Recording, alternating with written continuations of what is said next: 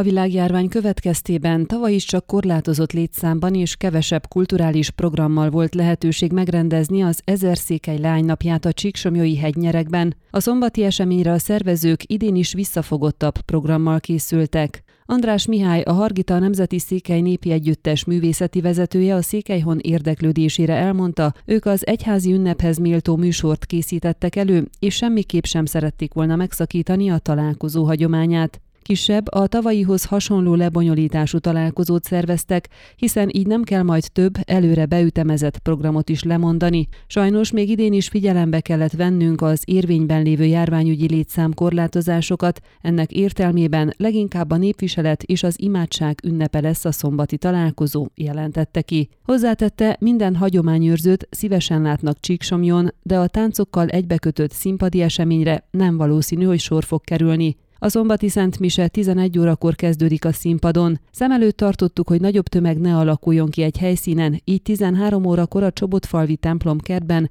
két-három tánccsoport fog fellépni, jegyezte meg András Mihály. A Hargita Nemzeti Székely Népi Együttes a Szent Mise után a hegynyerekben fog rövid táncbemutatót tartani, de a hagyományossá vált közös fényképkészítés sem marad el. A főszervező hozzátette, hogy készen állnak kibővíteni a programokat, amennyiben engedélyt kapnak rá. A hét második felében még változhatnak az érvényben levő korlátozások, így akár nagyobb ünnepségre is lehet kilátás, tudatta az igazgató. Ön a Székelyhon aktuális podcastjét hallgatta. Amennyiben nem akar lemaradni a régió életéről a jövőben sem, akkor iratkozzon fel a csatornára, vagy keresse podcast műsorainkat a székelyhon.pro portálon.